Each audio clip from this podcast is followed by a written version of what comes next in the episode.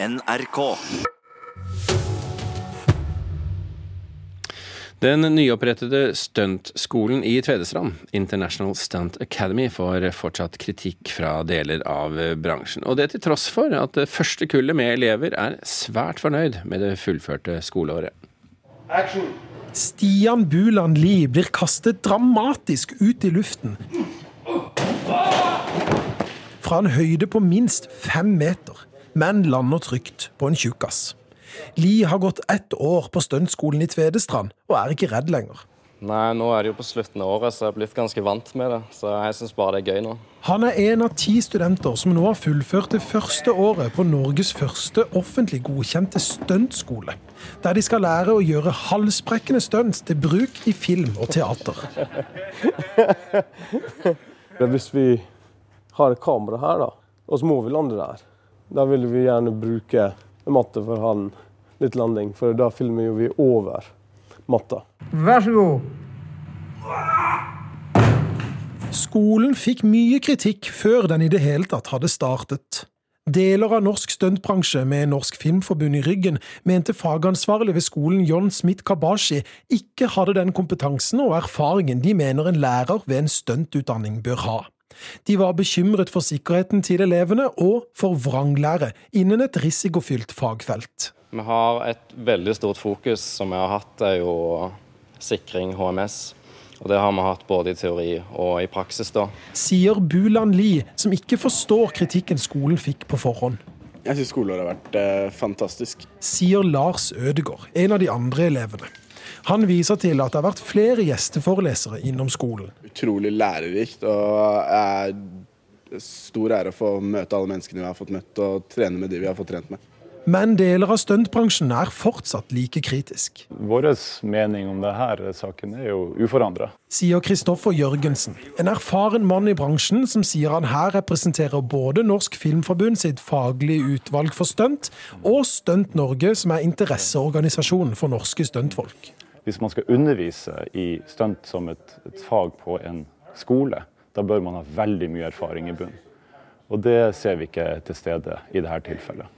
Eh, jeg tviler ikke på at de har, flinke, har hatt flinke gjesteforelesere innom, men det er helheten vi ser på. Og den ser vi, føler vi ikke holder mål. Men det vet dere jo ikke, for dere har jo ikke gått på skolen selv? Nei, selvfølgelig ikke, men altså, vi er jo fagfolk. Vi kan se etter Fins det et, et fornuftig fundament her, eller ikke? Hvis det viser seg at disse elevene får seg jobber i stønadbransjen og er med å styrke den fagretningen i Norge, vil dere da endre mening? Det ville jo vært hyggelig om alt det falt på plass helt av seg sjøl. Men vi har ikke tiltro til denne skolen. Eh, vi tror ikke på den. Fagansvarlig ved skolen, John Smith Kabashi, er oppgitt over kritikken. Uansett så er det uprofesjonelt og urimelig eh, å gå ut med sånn kvass kritikk som ikke, ja, ikke stemmer, egentlig. Kabashi forteller at flere av årets elever allerede har fått små jobber og oppdrag basert på det de har lært på skolen.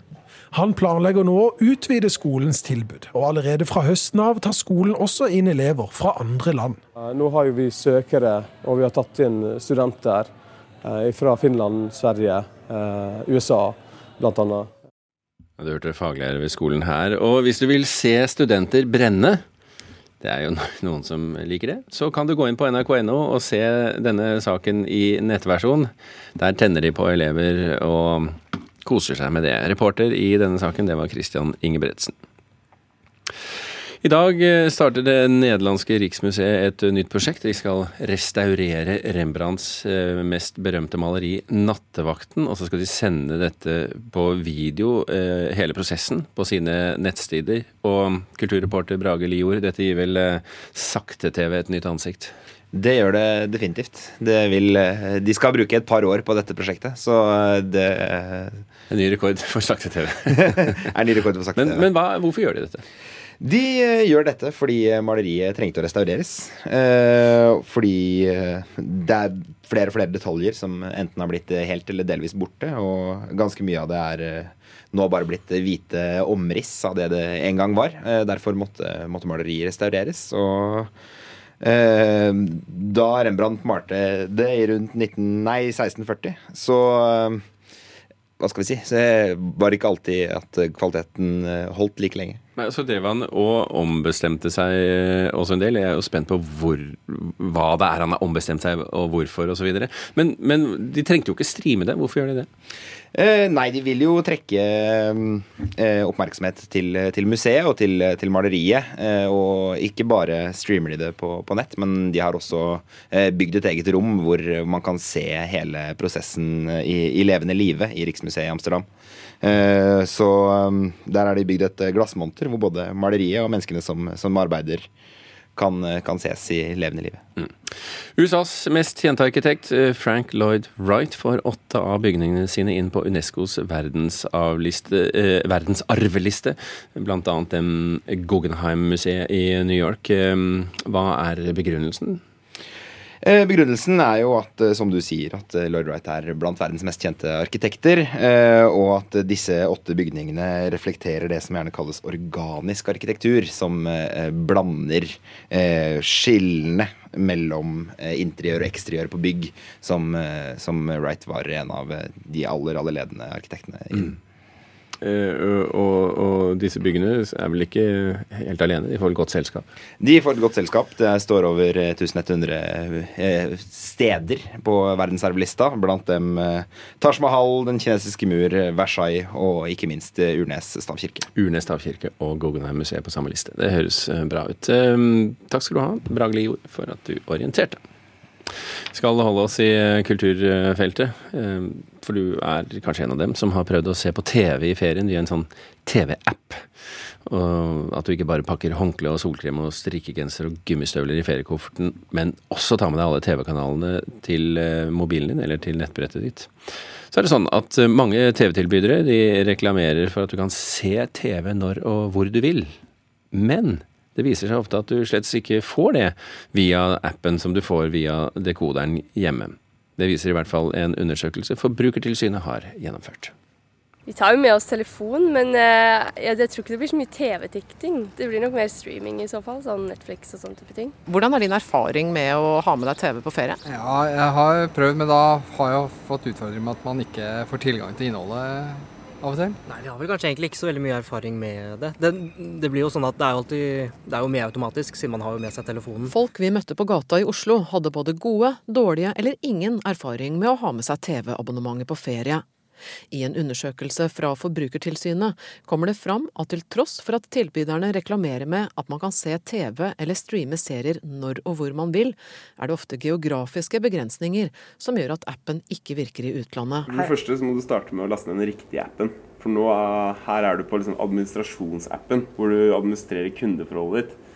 Men du må på den egne Get TV-app der lærte vi noe nytt med en gang. Jeg har egentlig ikke visst før nå at jeg har feil app på telefonen, men får heldigvis hjelp til å laste ned den riktige av presse- og kommunikasjonssjef i Get, Sebastian Eidem. Nå har jo verden blitt mye enklere. Eh, før, når du reiste rundt, så var det veldig mye forskjellig innhold.